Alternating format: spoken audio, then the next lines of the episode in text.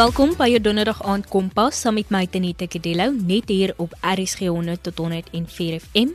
Jy kan natuurlik ook inskakel op ons DStv audio kanaal 813 of inluister op ons webtuiste by rsg.co.za. Hierdie week vanaf 10 tot 16 Februarie was daar bewusmaking gesaai rondom epilepsie. En alhoewel jong mense nie hieroor praat nie, lei baie jong mense tog hieraan. Ellen Rose van Wyk, 'n jong onderwyseres wie al op die Kompas program was en gesels het oor haar ervarings as 'n eerstejaars onderwyseres, is terug en sy gesels oor haar ervarings met die siekte epilepsie. Ons kyk ook na wat aanleiding gegee het tot Helen Rose se diagnose en hoe dit haar lewe verander het. Kompas, jou loopbaanrigtingaanwyser op RSG. Ek is Helen Rose van Wyk.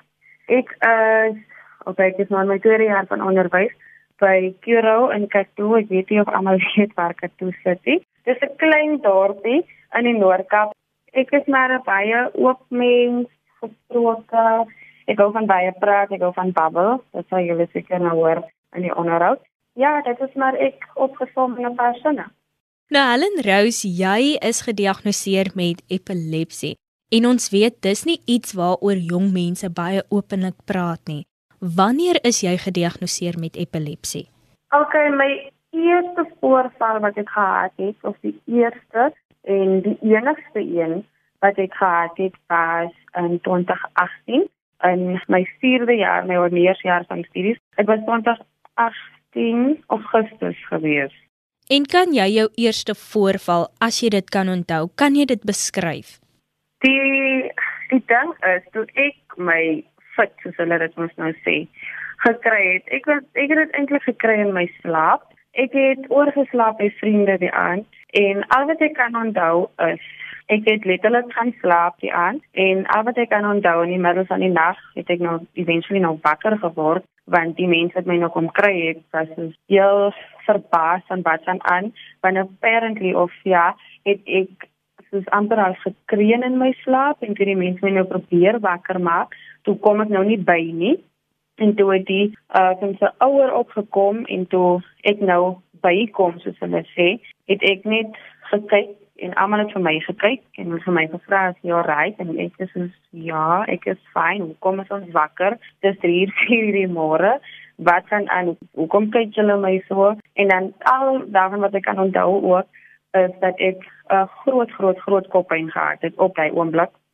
En obviously nie besef wat gebeur het nie. Maar ja dit was nou maar nou net dit ek het bygekom en mense het my net gekyk. So ek sal nie kan sê ek onthou veel nie. Ek onthou of ek weet nou maar nou net van dit wat mense my vertel het. So ja dit maar nou dit. En wanneer is jy toe dokter toe? Wanneer het jy toe uitgevind dat dit epilepsie is? Okay ek het eventually die volgende dag het ek nou toe ek of ek het nog geslaap en toe die volgende dag toe gaan ek na my familie toe in die Kaap of kyk ek het mos nou studeer in die Kaap en ek was by vriende. En toe gaan ek na my familie toe en ek verduidelik toe wat nou gebeur het. En toe onmiddellik toe is hulle nou soos ons moet jou nou by die hospitaal kry net vir veiligheid. En natuurlik is ek nog gestres want ek is nie sommer een vir hospitale nie. Maar en o ja en my ouers sit in Appington al die wat 800 km weg. En ek moet nou hospitaal toe gaan en die mense nou verduidelik en alles en alles. Maar as ek nou so kan begin toe ek 7 jaar oud was, was ek al gediagnoseer met so 'n rare siekte, um, met die naam Tiberese sklerose. Okay, mense weet nog nie eintlik hoe ek lyk nie, maar is goedjies wat op my vel groei en daar's op my gesig ook. Nou, dit groei op sekere dele van die brein ook.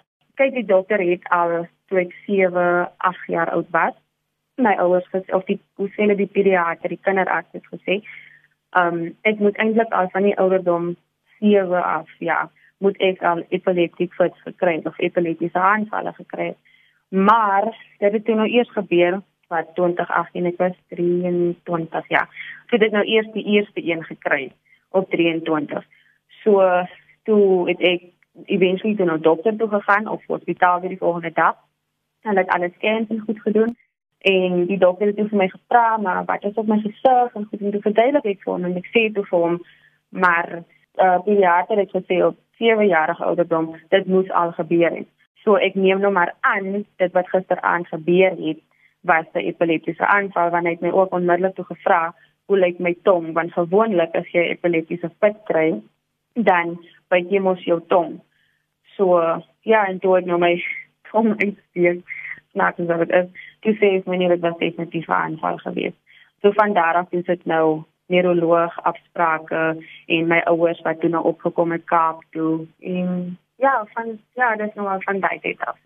Sjoelen Rose en dis natuurlik baie om in te neem vir 'n jong mens wat nog sy hele lewe voor het en nou ewe skielik in jou agterkop was jy bewus van die feit dat soos jy gesê het jy moes dit al op 'n vroeë ouderdom begin kry het. Ja. maar jy het nou nie gedink dat dit so skielik sou gebeur nie en dit in jou jong mensjare nie. Hoe het dit jou laat voel? Kyk op daai oomblik was alles vir my baie oorweldigend want dis dit nou? Ek is dan nou siek. Of nou nie siek nie maar ek maak hier nou iets want soos jy sê dis dan nou my jong jy my jong mens lewe lê dan nog voor en ek moet nou hier my hele lewenstyl aanpas want natuurlik toe ek nou na die neuroloog toe was die maandag het die voorval was op 'n saterdag aan toe ek na die neuroloog toe was die maandag het hy vir my sommer klaar gesê En luister, jy het nou epilepsie, jy is nou so gediagnoseer.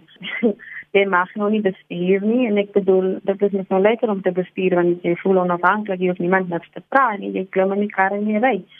En ja, ek mag nie bestuur nie, ek mag nie alleen slaap nie want wat as dit nou weer gaan gebeur? Ek mag nie geswem het nie of ek mag nie swem nie en ek mag ook nie bad nie, ek moet liewer in 'n storting staan. En ja, Soos byvoorbeeld jy kan nie alleen plekke rondloop nie want wat as jy nou 'n epileptiek wat kry in die publiek of in sulke plekke dan natuurlik is dit mos nou dit sal mos nou 'n slegte ding wees. So ja, dit is ja, dit is nou maar net dit is my dit is hoe my my lewe het maar net op hy omdat net verander want ek moet nou my lewenstyl ook aanpas want jy kan ook nie sekere goed eet nie en jy kan nie sekere goed drink nie dit is maar dit ek moet net my lewenstyl aangepas het en ek moet nou natuurlik onthou om elke aand my pille te drink wat die dokter my voorgeskryf het. Jy luister nog steeds na Kompas op RSG 100 tot 104 FM saam met my Tenita Kedilo en ons gesels oor epilepsie onder jong mense. Ek wil terugkom na 'n punt wat jy gemaak het. Jy het gesê die dokter het gesê jy mag nie alleen slaap nie. Nou jy was nog 'n student op daai oomblik. Het jy in 'n koshuis gebly? Ja, ek het in 'n koshuis gebly en omdat ek 4de jaar was, het ek mos nou 'n natuurlike alleenkamer gehad. Maar toe dit nou gebeur, gelukkig het ek familie in die Kaap wat baie oulik was en baie nice was om vir my plek te gee want toe moet ek onmiddellik toe uit die koshuis uittrek want om omdat ek nou nie alleen kan slaap nie. So toe hulle gesê, "Nee, dit is fyn. Ek kan daar kom bly." En toe ek van Augustus regdeur tot November, Desember by my familie gaan bly in die Kaap. Maar ook maar alleen geslaap in 'n kamer, maar die kamer is langs aan my niggie se kamer, so dan in die aand ook weer maar geslaap vir as enigiets sou gebeur. Ja, wat natuurlik 'n goeie ding is van op koshuis, is dit nie noodwendig dat jy jou jou neighbor, jy ken nie noodwendig jou neighbor so persoonlik nie dat mm. jy nou kan sê, luister hier, wil jy nie net kom opcheck op my nie, want jy moet maar versigtig ook wees. Ja, dit is en wie sê jou neighbor sal weet wat om te doen en wie sê jou neighbor gaan eventually ook kan wakker wees in die middel van die nag om te kom opcheck op jou. Want ons almal weet mos nou hoe 'n studente lewe. Helen Rose, dan het jy vroeër gepraat oor hoe iets anders basies aanleiding gegee het tot dit en jy het gepraat van die rare siekte wat jy het en dan ook van die goedjies op jou gesig. Dis hoe jy dit beskryf het. Ja. Yes. Ek wil graag weet watter impak het die goedjies op jou gesig want dit is nou deel van jou fisiese voorkoms. Hoe het dit jou lewe geaffekteer? Kyk, ek was nog nie noodwendig so gebore nie. Ek was net tot nou babatjie was, was net so 'n ligte rooi streepie op my wang gewees. En eventually as ek groter en ouer geraak het, het dit um, groter geraak. Ek het toe later gesê, "Oké nee, as ek mense my vra nee dis my geboortemerk of wat maar soos ek groter geraak het hier dan nog fyner is op my wange uitgekom en rondom my neus en op sekere plekke van my speel en onder my naels en ja so dit is hoe kan ek sê kyk as jy jonk is en jy is klein en jy gaan skool toe natuurlik sal jy 'n paar boelies kry of kinders wat jou snaaks kyk. Of ja soos ek het altyd as ek in die publiek rondloop dan is daar altyd kinders wat gekyk het en ewen nou omdat ek groot is en so rondloop, sal jy altyd sien die klein kindertjies sal altyd kyk en verby jou stap en dan sal hulle sommer nog omdraai om te kyk want natuurlik verstaan hulle dit want dit hoe kan ek nou sê dit is mos nou nie 'n kan ek sê 'n normale gesig maar 'n as ek dit sou kan noem 'n normale gesig lyk mos nou nie so nie. Maar ek het my altyd net vir myself gesê ehm um, die Here het jou geskape jy's uniek. Jy is die enigste is nie die enigste nie maar die enigste een wat jy ken of wat jy van weet wat so 'n unieke gesig het.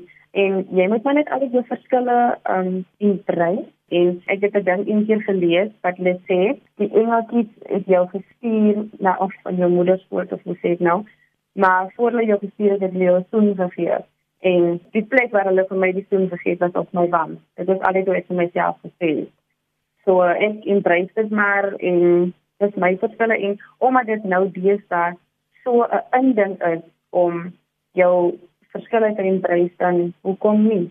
Dan wil ek gou net teruggaan. Jy het vroeër genoem dat die dokter vir jou gesê het jy moet 'n paar leefstylveranderinge maak.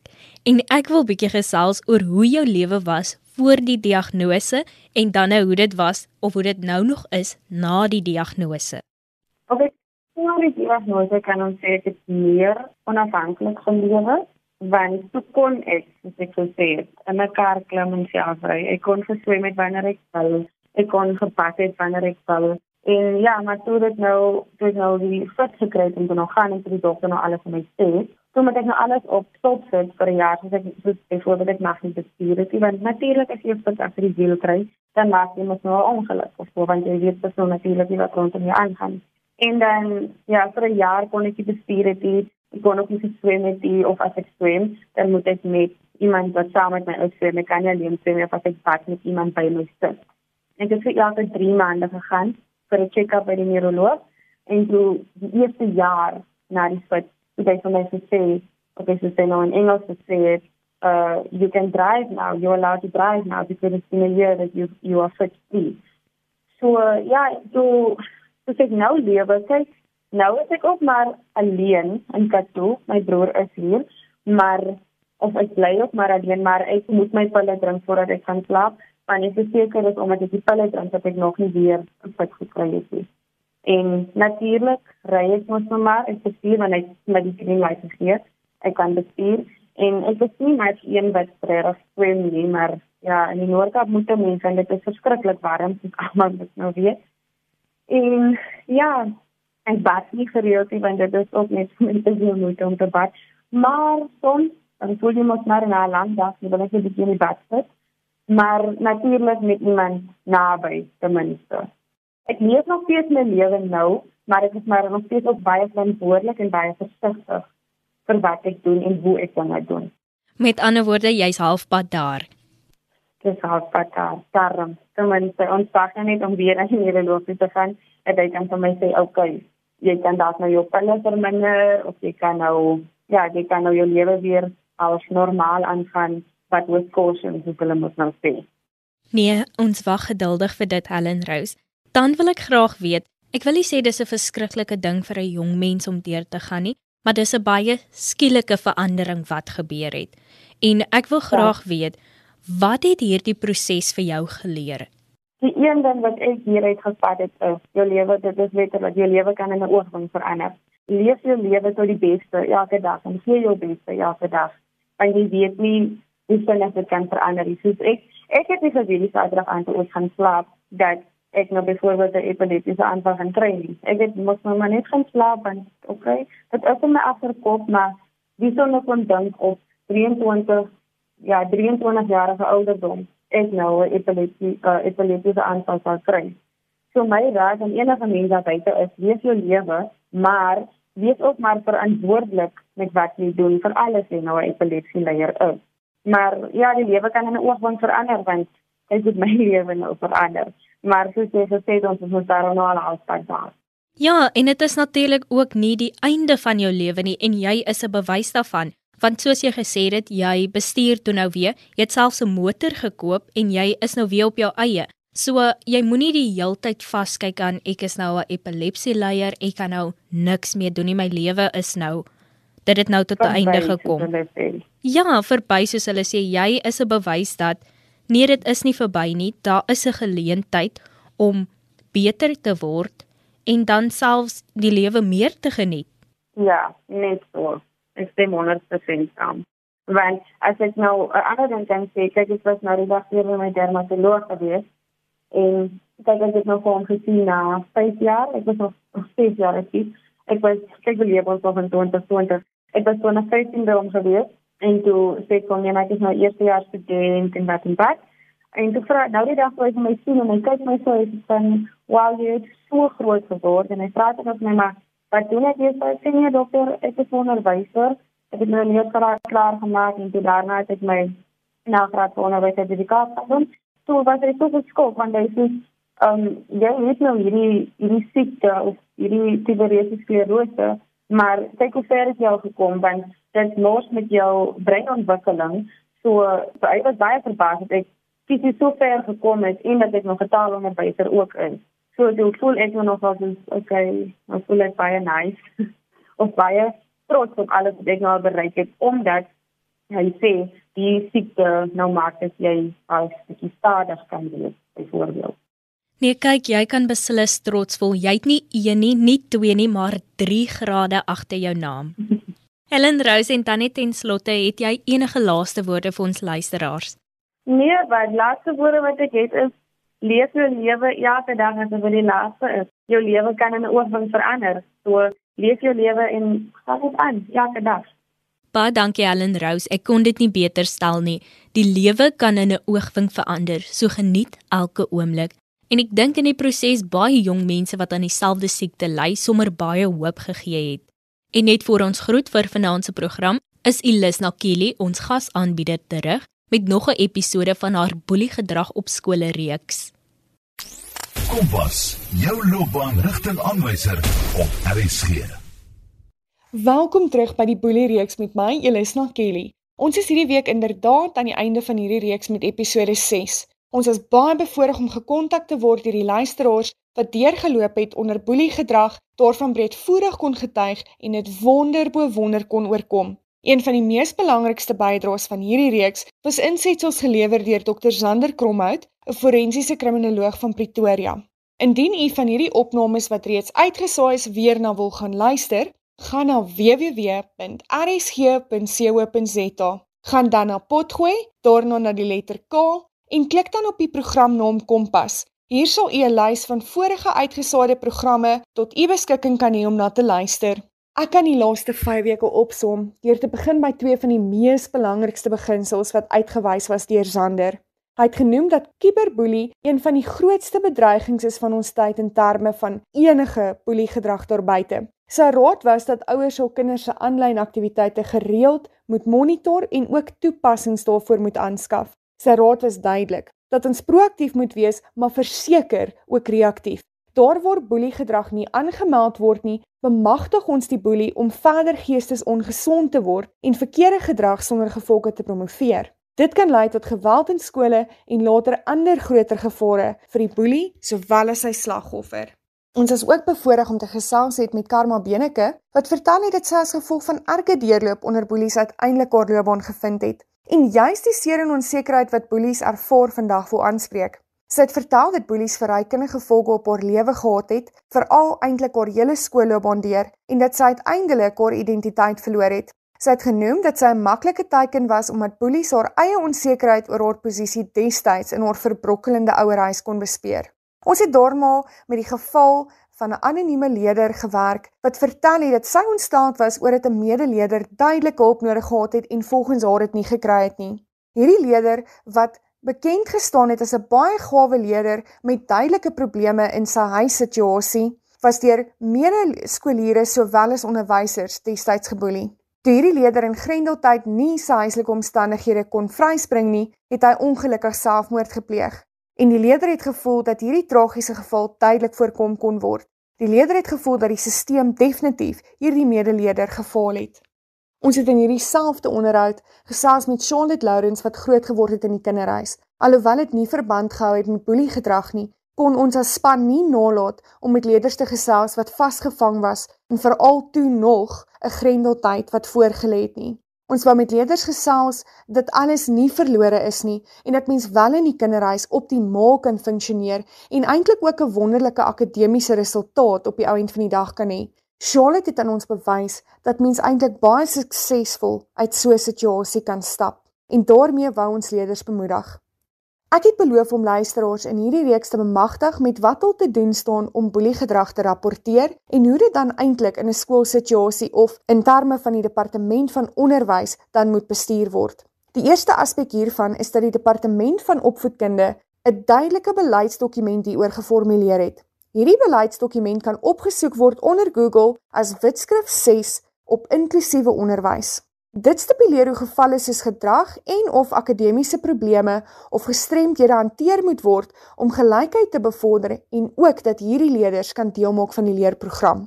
In Witskrif 6 is dit duidelik dat daar 'n forum in elke skool moet wees wat bekend staan as die skoolgebaseerde ondersteuningsprogram. Dit word ook genoem school-based support team. Dit bestaan uit voorgrade, onderwysers en verskillende graadonderwysers.